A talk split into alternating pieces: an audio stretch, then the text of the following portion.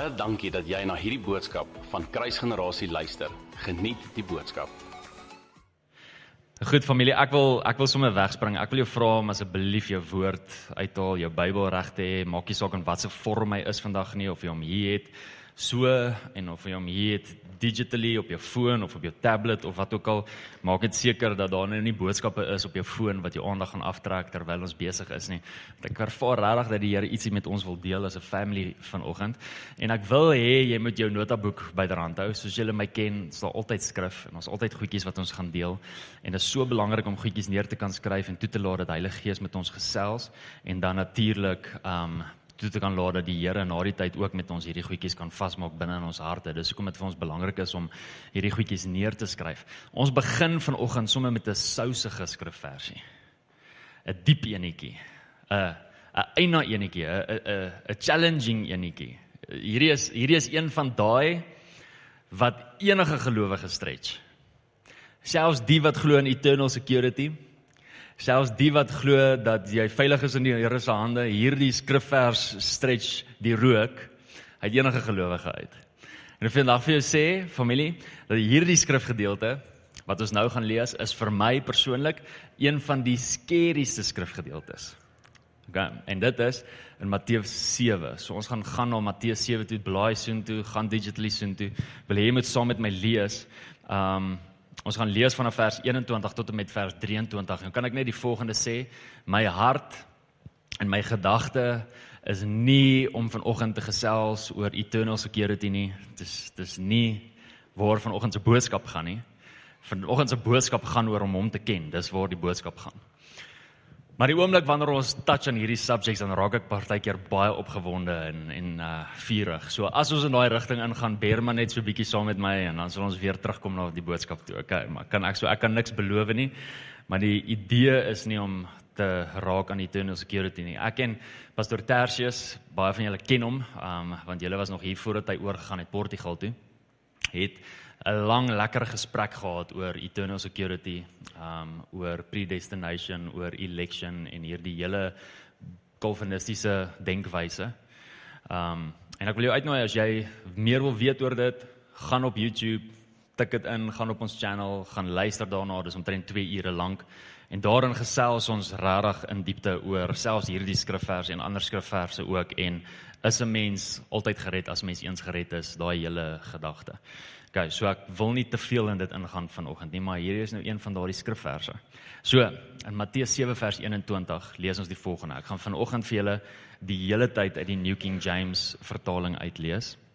So, trek jou of sit jou Engelse bril aan vanoggend. Not everyone, dis Jesus wat hier praat. Not everyone who says to me, Lord, Lord, shall enter the kingdom of heaven. But he who does the will of my Father in heaven.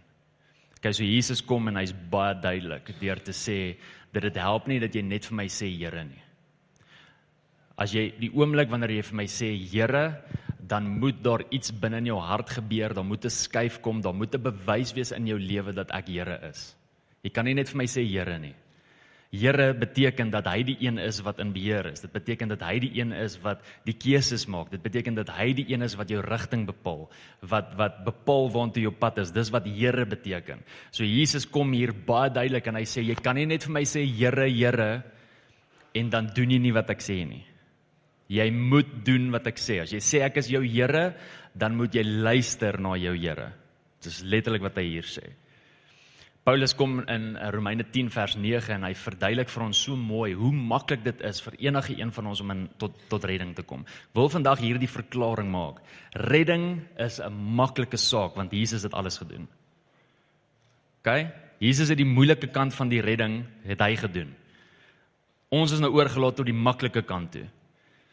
Romeine 10 vers 9 sê that if you confess with your mouth and believe in your heart that Jesus is Lord, you will be saved. So die woord Here, die Lord is letterlik fondasie tot ons redding. Né? Nee? So Paulus kom en hy sê dis hoe maklik dit is vir ons om om tot redding te kom. Dat as jy tot redding wil kom, dis so maklik. Glo in jou hart en konfes met jou mond dat hy jou Here is. Dan kom jy tot redding. En Jesus kom en hy sê dis nie net genoeg vir ons om te sê dat hy Here is nie. Ons moet lewe asof hy Here is. Dit maak sin. Meen, ek kan nie net sê dat ek getroud is met Mariska nie. Ek moet lewe asof ek getroud is met Mariska. As ek nie lewe asof ek getroud is met Mariska nie en saam met hierdie girl slaap en saam met daardie girl slaap en agter hierdie vrou aangaan en hier haar nie in ag neem in keuses wat ek maak nie en net doen wat ek wil, as as dan beteken dit ek sê dit maar ons is nie eintlik nie. En almal almal sal sê what a hypocrite van 'n aardse kant af. Selfs mense wat nie die Here ken nie. Sal sê, "Ag, jy's daai ou so hipokrit. Hy sê hy's getroud met daai vrou, maar hy loop rond en hy doen hierdie en daai ding en hy jaag sy eie gedagtes na en hy neem nie sy vrou in ag nie. Daai ou is so groot hipokrit." Nou net so is dit presies dieselfde met Jesus. So sê hy's Here, dan lewe ons asof hy Here is. En daarom sê hy, "Not everyone who says to me, Lord, Lord, shall enter the kingdom of heaven." but he who does the will of my father. Hier's 'n verantwoordelikheid van ons kant af. Kan ek net gou die volgende sê? Sien, jy gaan ek al klaar nie hier tuin security ding in. Ai. Paulus kom in 1 Korintiërs 12 vers 3 en hy sê die volgende, hy sê dis onmoontlik vir ons om te sê dat Jesus Here is sonder die Heilige Gees. Jy het dit gehoor, né? Dit is onmoontlik vir ons om te sê dat Jesus Here is sonder die Heilige Gees. Wanneer ontvang ons Heilige Gees? Jogg, julle Ek moet weer begin by die begin. Ons ontvang Heilige Gees wanneer ons tot wedergeboorte kom, dan ontvang ons Heilige Gees. Hy kom woon binne in ons. Ons is tot kom tot wedergeboorte want my gees het weer lewendig geword en as gevolg van my gees wat weer lewendig is, kom woon Heilige Gees binne in my. Al daai goedjies, daar's hergenerasie regeneration. En nou is ek 'n kind van die Here want die gees van God lewe binne my. Romeine 8 sê dat die die gees getuig saam met my gees dat ek 'n kind van God is. OK. So, dis hoe ek weet dat ek tot redding gekom het. Heilige Gees kom woon binne my lewe en wanneer ek tot redding kom, kom woon Heilige Gees binne my lewe en wanneer Heilige Gees binne my lewe kom woon het, dan kan ek op 'n plek wees waar ek sê dat Jesus my Here is. Ek kan nie sê dat Jesus my Here is as ek nie Heilige Gees het nie. Paulus sê dit in 1 Korintiërs 12 vers 3. So Jesus praat hier van gelowiges. Kan nie vir my sê Here, Here. Hè? Jesus praat hier van gelowiges. Goed. Vers 22. Many will say to me in that day. Wat 'n dag praat hy van? Die dag wanneer hy terugkom, die dag wanneer ons almal voor hom gaan staan. Ons almal gaan voor hom staan. Okay? Many will say to me that day, Lord, Lord, have we not prophesied in your name? Cast out demons in your name, done many wonders in your name. And I will declare to them, I never knew you. Depart from me, you who practice lawlessness. Jogg, dis 'n groot skrifvers hierdie. En die rede hoekom hierdie ding my bang maak en hoekom hierdie vrees van die Here in my lewe wakker maak, is ek het al alles gedoen wat Jesus hier gesê het. Ek het al geprofeteer. Ek het al duiwels uitgedryf. Ek het al in wonders geopereer. En daar's 'n moontlikheid dat ek eendag voor hom kan staan en hy vir my sê, "Gaan weg van my af." Net die feit dat ek daar was, net die feit dat ek geprofeteer het, net die feit dat ek 'n duiwel uitgedryf het, net die feit dat ek op 'n plek was waar ek geopereer het in die gawes van wonderwerke of genesing, beteken nie dat my redding reg is nie. Maar as ek op 'n plek is waar ek doen wat die Vader sê ek moet doen. Wie van julle weet vir ons om te doen wat op die Vader se hart is, moet ons weet wat op die Vader se hart is. Vir ons om te weet wat op die Vader se hart is, moet ons sy stem ken. Daar's nie een amen nie. OK. Vir ons om te weet wat op die Vader se hart is, moet ons sy stem ken. As ons nie sy stem ken nie, gaan ons nie weet wat op sy hart is nie. As ons nie weet wat op sy hart is nie, gaan ons nie weet wat hy van ons verwag nie. As ons nie weet wat hy van ons verwag nie, gaan ons nie doen wat hy vir ons sê nie. Doen wat in sy hart is nie. Hierdie hele ding is gegrond in verhouding. Hierdie is so belangrik, familie. Dis belangrik vir ons. Dis belangrik vir jou.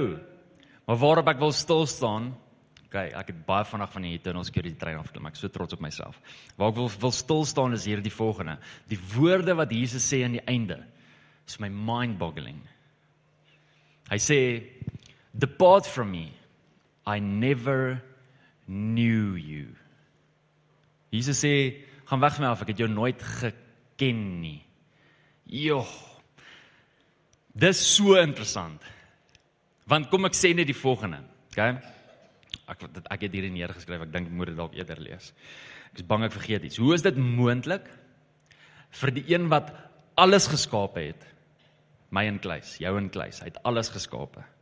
En wat ons by die naam roep en wat presies weet hoeveel hare daar op my kop is en presies weet hoeveel gedagtes en watse gedagtes daar is selfs al is selfs voor die gedagte gevorm is in Psalm 139 daai een wat ons so goed ken om eendag vir ons te kan sê ek ken jou nie. Hy ken die hare op my kop. Hy ken my gedagtes voordat my gedagtes daar is. Hy ken die naam waarop ek geroep is En is moontlik dat hy eendag vir my gaan sê hy ken my nie. Hoe is dit moontlik dat hy wat my ken vir my gaan sê hy ken my nie? Boggle dit my mind of boggle dit julle sin ook? Hè? Okay? Paulus raak daarin in Galasiërs 4 vers 9, raak Paulus daaraan. Hoor wat sê Paulus? Paulus skryf vir hierdie gemeente. Paulus is smoorkwaad vir hierdie gemeente van Galasiërs. Hy's smoorkwaad vir hulle. Hulle het so goed gehardloop. Hulle was vry van die wet. Hulle was vry van al die nonsens wat hulle geglo het. Hulle was vry van dit en toe kom iemand en leer hulle weer verkeerd en ewe skielik is hulle so diep binne in die wet in dat hulle vergeet van Jesus se genade. En en Paulus sê vir hulle in die volgende in Galasiërs 4 vers 9. Hy sê but now after you have known God. Hoor wat sê hy? Hy sê after you have known God. So hulle ken God, né? After you have known God. En hoor wat sê hy dan? Hy sê or rather are known by God. Sjoe. So nadat jy vir God geken het of moet ek eerder sê nou dat God julle ken. Kan ek vandag vir jou die volgende vraag vra? Ken God jou? Want obviously die oomblik wanneer ons hierdie lees, dan is daar 'n verskil tussen dat hy van ons weet en dat hy ons ken. Daar's 'n verskil in die feit dat hy jou ken by jou naam. Daar's 'n verskil in die feit dat hy weet hoeveel hare daar op jou kop is. Daar's 'n verskil in die feit dat hy weet presies wat se gedagtes in jou kop is voordat daai gedagtes eers daar is, want hy is die alwetende God. Hy weet alles. Daar's 'n verskil in dit teenoor hom wat jou ken.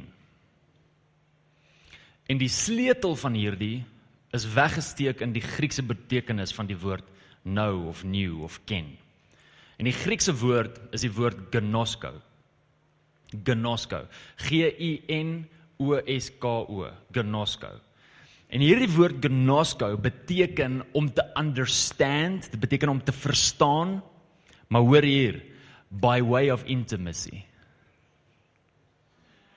om om te verstaan deur 'n manier van intimiteit. Met ander woorde, ek verstaan sekere goed van die Here. Ek verstaan sekere goed van wat in sy hart is omdat ek intiem is met hom. Die mense wat getroud is gaan weet dat daar is nie 'n manier wat enige iemand jou man of jou vrou ken so goed soos wat jy jou man of jou vrou ken nie. Dis nie 'n manier nie. In die in die begin toe ek en my vrou net begin date het, Toe sê hy vir my gesê nee, jy ken my nog nie so goed soos my ma nie. En dit was so. Ek het haar nie so goed geken soos haar ma nie. Vandag na 12 jaar se getroude lewe en 14 jaar wat ek haar ken, kan sy vir, vir jou sê dat ek ken haar baie beter as wat haar ma ken. Ek ken haar baie beter as wat enigiemand anders haar ken. Hoekom? Want vir 12 jaar lank is ons al intiem met mekaar.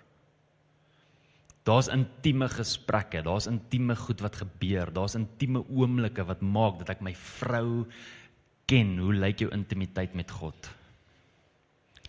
Hoe lyk jou intieme verhouding met Jesus? Hoe lyk jou intieme verhouding met die Vader?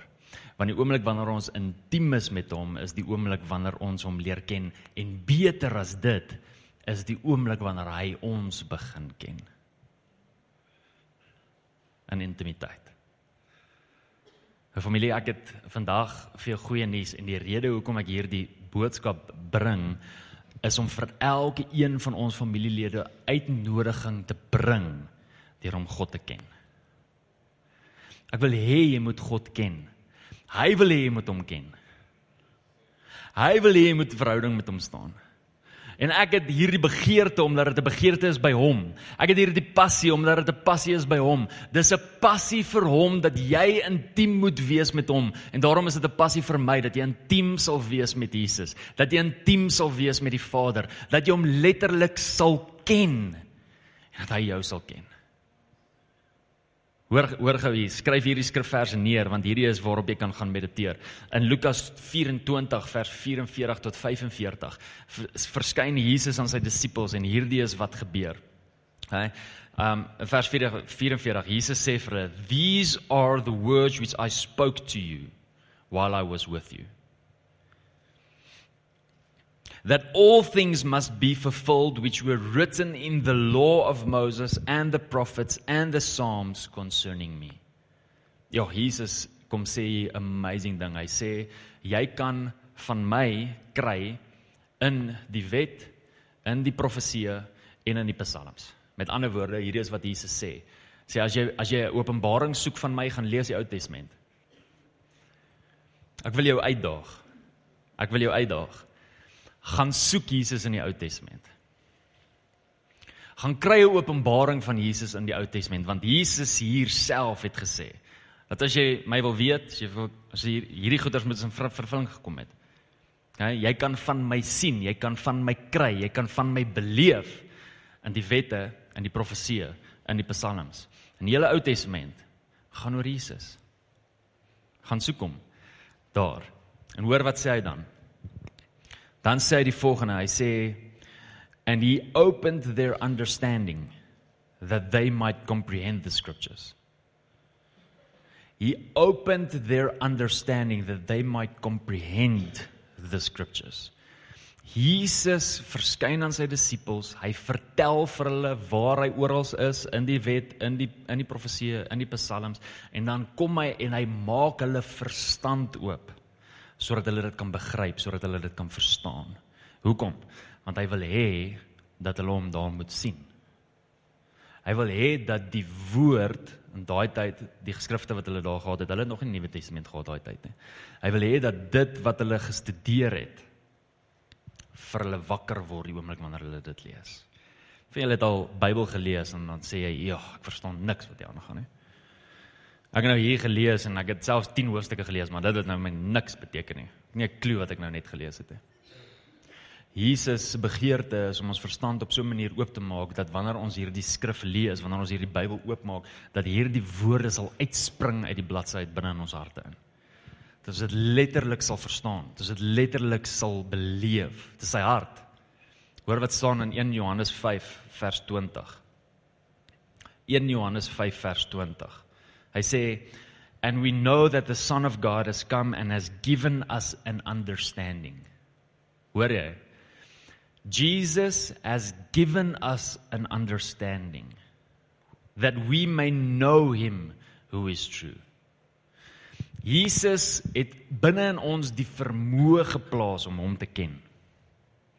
Elke een van ons familie, elke een van julle wat van van vanoggend hier is of maak nie saak hoe oud jy is nie, Jesus het binne in ons die vermoë geplaas om hom te ken. Hoekom? Want dit is sy hart om in verhouding te staan met jou. Dit is sy hart vir hom om om jou te ken, dit is sy hart vir vir hom sodat jy hom kan ken. Dis sy hart. Dis wat hy graag wil hê. And we know that the son of God has come and has given us an understanding that we may know him who is true. And we are in him who is true. In his son Jesus Christ. This is the true God and eternal life. Hy het ons die vermoë gegee. Dis hoekom Paulus kom in 1 Korintiërs 2 vers 16 en hy sê die volgende, hy sê dat that he has given us the mind of Christ. Hy het ons die vermoë gegee om te dink soos wat Jesus gedink het. As hy dit nie vir ons gegee het nie, sou nie een van ons dit reg gekry het om te kan dink soos wat Jesus dink nie. Maar wie vir julle weet dat as ons wil lewe en lyk soos wat Jesus gelyk het, lewe soos wat Jesus gelewe het, dan moet ons dink soos hy.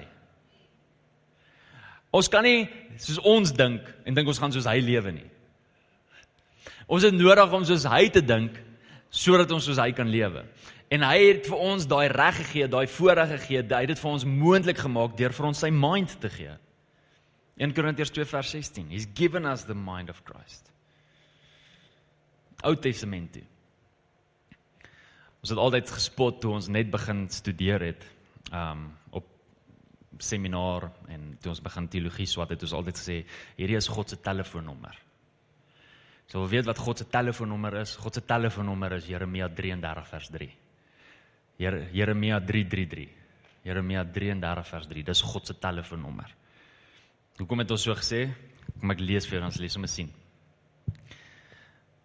Jeremia 33 vers 3 sê call to me.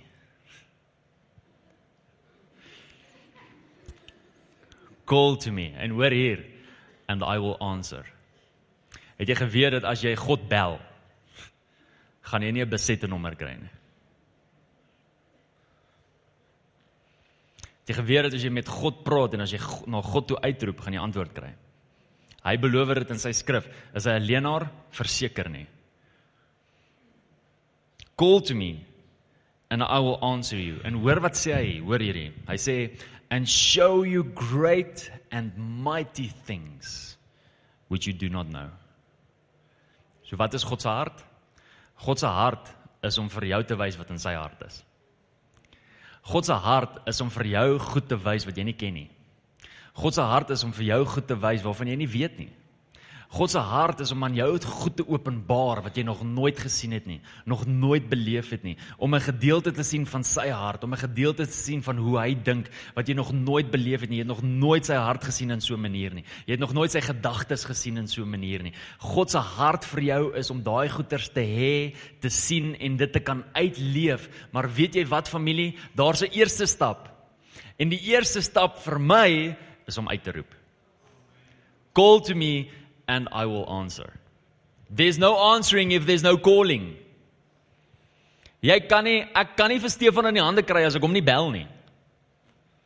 Ek kan nie na 'n week vir hom kwaad wees en sê Jesus ou ek soek ek kon jou nie in die hande kry hierdie week nie. Sê maar ek het nie eers 'n miskol van jou af nie. Het jy my gebel? Nee, maar kon jou nie in die hande kry nie.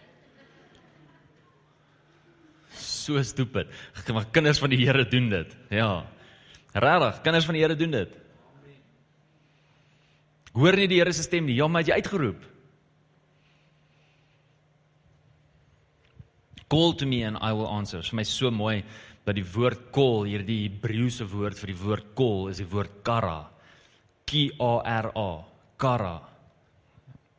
Ek moet nou amper 'n grapjie gemaak het. Kom ons gaan aan. Kara. Weet julle wat beteken kara? Beteken die volgende. Dit beteken to cry out or to shout. To cry out or to shout. Nou die oomblik wanneer ek hierdie lees, dan dink ek, hoekom moet ek skree? Ek's 'n praktiese mens. Dis hoe so ek dink. Hoekom moet ek skree? Here is u doof? Hoekom moet ek skree? Die Heilige Gees openbaar dadelik aan my dat ek uitskree nie as gevolg van God se vermoë om te hoor nie, maar ek uitskree as gevolg van die passie en die begeerte wat binne my hart is. Dis kom ek uitskree. Ek skree nie as gevolg van God se ore nie. Ek skree as gevolg van die feit dat daar passie is. En as gevolg van hierdie passie kan ek nie anders as om uit te skree nie. Ek kan nie anders as om te respond nie. Ek kan nie anders as om uit te roep nie want daar's passie binne in my. Dis hoekom ek skree. Weet julle wat vir my mooi? Hierdie woord kara, hè, kom voor in Genesis 1 waar God die aarde skape, die wêreld skape, die heelal skape, die woord kara. Die woord and and he said let there be light. Die woord sê daar is die woord kara. Daar was begeerte en passie binne in God se hart die oomblik toe hy geskaap het. En die oomblik wanneer ek met 'n begeerte en 'n passie uitroep na die een wat 'n begeerte en 'n passie dra, dan trou dit en dan antwoord hy. Want hy het 'n begeerte en 'n passie oor jou. Want net soos wat hy 'n begeerte en 'n passie gehad het die oomblik toe hy die aarde en die heelal geskaap het, net so het hy 'n begeerte en 'n passie gehad die oomblik toe hy jou geskaap het. En die oomblik wanneer jy wat hy geskaap het uitroep met 'n begeerte en 'n passie, soos wat hy 'n begeerte en 'n passie gehad het oor jou en nou het jy ewe skielik 'n begeerte en 'n passie oor hom, daardie oomblik kan hy nie anders as om te antwoord nie. Hy kan nie anders as om te reageer nie. Ek het ek het altyd gesê gaan nie een van daai pastore wees wat die hele tyd my kinders gebruik as voorbeelde nie. Die hele tyd, ja. Maar mens kan nie help nie. Daar's soveel lesse wat 'n mens leer in dit. Jy weet die een, die oomblik wanneer daai lyfie skree, reageer ek. Of ek praat met haar of ek kyk in haar rigting in of ek staan op en ek gaan na haar toe, maar ek reageer die oomblik wanneer sy skree. Hoekom sal ons ooit dink dat ons hemelse Vader anders reageer? Wat vandag vir jou sê, hoor so hier binne in my gees dat daar's van ons familielede wat uitgeskree het en en dat hulle voel dat die Here nie antwoord nie en die duiwel is besig om hierdie leuen binne in jou hart te gebruik dat God nie in jou belangstel nie. Moenie daai leuen vir een oomblik glo nie. Moenie vir een oomblik glo dat God nie belangstel in jou nie, dat God nie belangstel in die detail van jou lewens nie, dat God nie belangstel in wie jy is of in jou journey of in jou seer of in jou pyn nie. God stel belang in wie jy is. Hy's lief vir jou. En daarom nooi hy jou uit dat jy hom kan ken. Daarom nooi hy jou uit, hy nooi ons uit dat ons met verstand, met understanding kan kom en hom kan verstaan. Sodat wanneer ek hierdie woord oopmaak, nie as nie, wanneer ek hierdie woord oopmaak, jong mense, wanneer, dit hierdie is nie 'n ou mens ding nie. Hierdie is nie o, oh, my ouma en oupa het 'n Bybel gehad en nou het hulle hierdie Bybel vir my gegee en wow, jy's nou nou het ek 'n Bybel en dit is so spesiaal want hulle het nou daarin geskryf, maar ek het nog nooit hulle Bybel gelees nie. Hierdie is nie ou mens ding nie. OK. Hierdie woord beteken vir jong mense net so baie soos wat dit beteken vir 'n 80-jarige. Hierdie woord is lewe. Hierdie woord maak dat ek kan respond teenoor die koning sodat ek sy hart kan ken. Hierdie woord bring iets binne my hart, binne my lewe wat maak dat ek nie sonder hierdie woord kan gaan nie. En ek bid dat elke persoon binne in ons familie vandag wat hier sit, of jy 10 jaar oud is en of jy 80 jaar oud is, besef jy kan nie sonder die woord nie. Jy het nodig om die woord oop te maak. Jy het nodig om hierdie woord te, te te bestudeer. Jy het nodig om toe te laat dat die woord jou bestudeer. Jy het nodig om toe te laat dat die woord jou konfronteer. Van die oomblik wanneer jy hierdie woord oopmaak en jy lees sekere goed, dan sien jy hoe ver hoe ver val jy kort. Ek val ver kort as ek hierdie woord oopmaak. Elke keer.